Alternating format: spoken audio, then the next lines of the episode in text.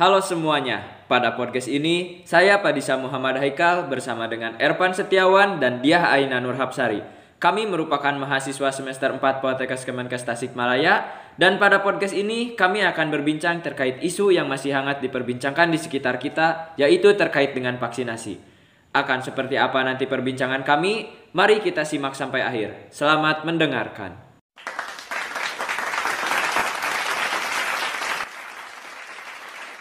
Halo dia, halo Erpan. Halo, Pak Disa. Apa kabar nih kalian berdua? Baik, Pan. Pak Disa gimana kabar? Alhamdulillah baik nih Pan. Kalau sekarang lagi sibuk ngapain nih, Pak Disa? Ya biasalah sibuk dengan kuliah daring, sibuk dengan program kerja di organisasi. Tapi ya kadang sibuk tidur juga sih. Wah hebat sekali, tidur juga masih bisa jadi kesibukan. Kalau dia sih bisa tidur aja udah sesuatu hal yang luar biasa. Beda ya, Pan, orang sibuk mah. Iya nih Pan. Sampai gak punya waktu untuk istirahat. Tapi sih menurut Erpan sibuk apa pun, istirahat itu perlu, apalagi tidur. Kan sehat nomor satu. Kalau kita sehat itu bisa ngapain aja. Nah bener, setuju nih sama pendapat Erpan. Apalagi di tengah pandemi COVID-19 ini kan harus benar-benar jaga imunitas tubuh ya. Tuh, dengerin dia. Ada benar juga kata Pak Disa. Eh, tapi ngomong-ngomong tentang pandemi COVID-19, kan COVID-19 ini menjadi pandemi di seluruh negara. Pemerintah kita juga udah berupaya untuk menangani COVID ini. Dimulai dari pemerintah daerah menerapkan lockdown, ada juga peraturan PSBB, wajib 3M juga ditambah jadi 5M, terus juga ada upaya dari pemberian vaksin COVID-19. Nah, Erpan pengen ngobrol nih sama kalian terkait dengan lika-liku paradigma vaksin di pandangan kita sebagai mahasiswa kesehatan. Wah, obrolan menarik nih. Tapi sebelum obrolannya semakin jauh, ada yang pernah coba cari tahu sejarah vaksin gak nih? Soalnya Pak Disa pengen tahu dulu sejarah adanya vaksin. Iya sih sama. Selama ini selalu ngomong vaksin, vaksin, vaksin, tapi sejarahnya nggak tahu. Waduh, gimana sih udah mahasiswa tapi literasinya masih kurang. Tapi kebetulan Erpan juga pernah nonton di platform YouTube di situs net. Jadi vaksin itu ditemukan pada tahun 1796 oleh Edward Jenner. Vaksin pertama itu di- digunakan untuk vaksin cacar. Oh, jadi dulunya vaksin itu digunakan untuk menangani penyakit cacar ya. Dia pernah baca sih di situs kemenkes.go.id bahwa vaksin ini adalah suatu zat atau senyawa yang berfungsi untuk membentuk kekebalan tubuh terhadap suatu penyakit. Nah, kandungan dalam vaksin ini dapat berupa bakteri atau virus yang telah dilemahkan atau dimatikan. Bisa juga dapat berupa bagian dari bakteri atau virus tersebut.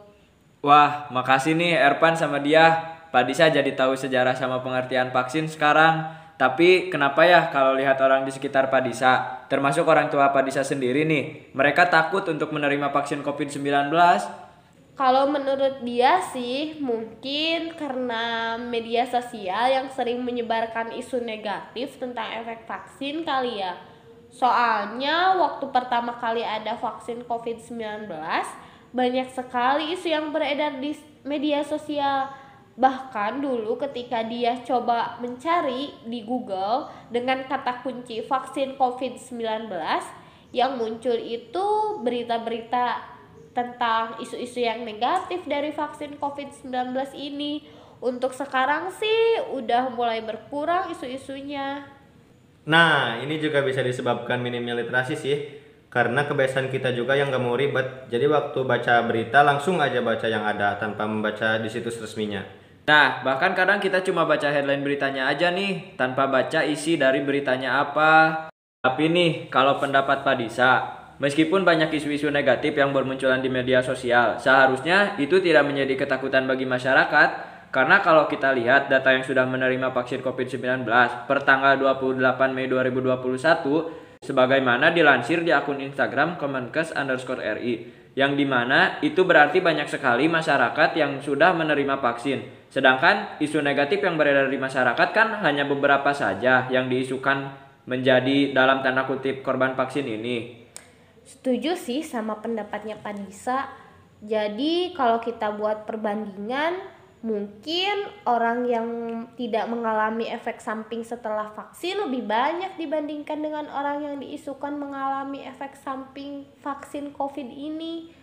Nah, bahkan pada tanggal 20 Mei dilansir pada situs liputan6.com yang memberitakan meninggalnya seorang guru SMP di Bau-Bau setelah menerima vaksin COVID Pihak Satgas Penanggulangan COVID-19 Kota Bau-Bau yakin kejadian tersebut tidak ada hubungannya dengan pemberian vaksin. Nah, belum lagi dulu waktu dikabarkan ada empat orang nakes yang meninggal karena vaksin COVID-19. Lagi-lagi ternyata bukan karena efek samping dari vaksin COVID, melainkan ada penyakit lain yang menyebabkan kematiannya sebagaimana dilansir pada situs covid19.go.id pada tanggal 5 Maret 2021. Ini sih bisa jadi tugas kita sebagai mahasiswa, apalagi kita mahasiswa kesehatan. Kita bisa mulai merekomendasikan situs resmi terkait dengan informasi seputar permasalahan vaksin COVID-19 ini. Kita bisa mulai dengan merekomendasikan situs resmi di grup WhatsApp keluarga dikarenakan di grup WhatsApp keluarga ini sering terjadi tersebar berita-berita hoax yang sumbernya tidak jelas. Apalagi ini ada berita dilansir di situs Detik Health pada 21 April 2021 ada tujuh jenis vaksin COVID yang dipakai di Indonesia sesuai dengan keputusan Menteri Kesehatan nomor HK.01.07 garis miring Menkes garis miring 12758 garis miring 2020 tentang penetapan jenis vaksin untuk pelaksanaan vaksinasi COVID-19 dari tujuh jenis vaksin COVID-19 yang digunakan di Indonesia, baru ada tiga jenis vaksin yang stoknya diterima dan digunakan dalam pelaksanaan vaksinasi, yakni vaksin buatan Sinovac, Bio Farma, dan vaksin Oxford AstraZeneca.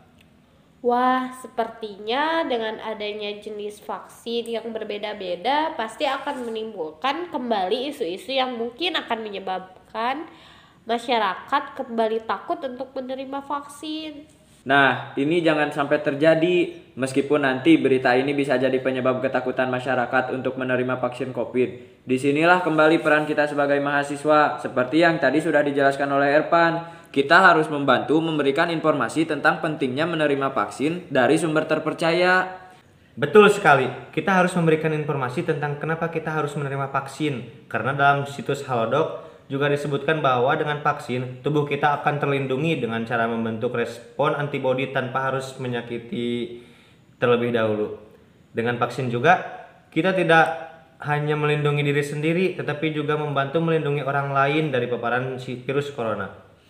Wah, obrolan yang sangat luar biasa sekali nih pada kesempatan kali ini.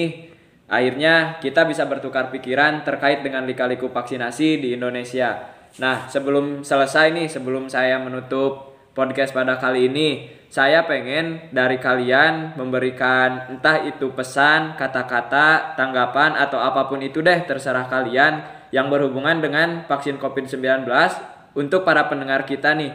Mungkin bisa dimulai dari dia dulu, nanti dilanjut sama Erpan dan nanti yang terakhir Pak Disa deh sekaligus penutupan. Uh, kalau dari dia sendiri mungkin uh, kita harus lebih selektif dalam menerima informasi mengenai vaksin COVID-19 ini agar tidak termakan oleh hoax. Mungkin dari dia cukup sekian sih. Nah, kalau dari Erpan gimana nih, Pak? Nih, dari Erpan ada pantun nih. Boleh nih, Pak. Gimana pantunnya, Ya, Pak? siap. Jalan-jalan kata Sikmalaya. Cakep. Jangan lupa pakai celana. Artinya, Ayo kita vaksin semua agar terhindar dari virus corona. Wah, luar biasa sekali ya pantun dari Erpan juga tadi yang apa yang dikatakan dari dia ya kita harus bisa lebih selektif dalam memilih informasi. Nah mungkin dari yang Pak Disa terakhir sekaligus menutup podcast ini buat siapa pun yang mendengarkan berapapun usia kalian mari kita sama-sama mendukung upaya pemerintah dalam proses penanganan COVID-19 dengan proses vaksinasi. Dan jangan lupa tetap patuhi protokol kesehatan tetap diam di rumah jika tidak ada keperluan tetap terapkan 3M semoga kita semua selalu diberi kesehatan serta kekuatan. Terima kasih sampai jumpa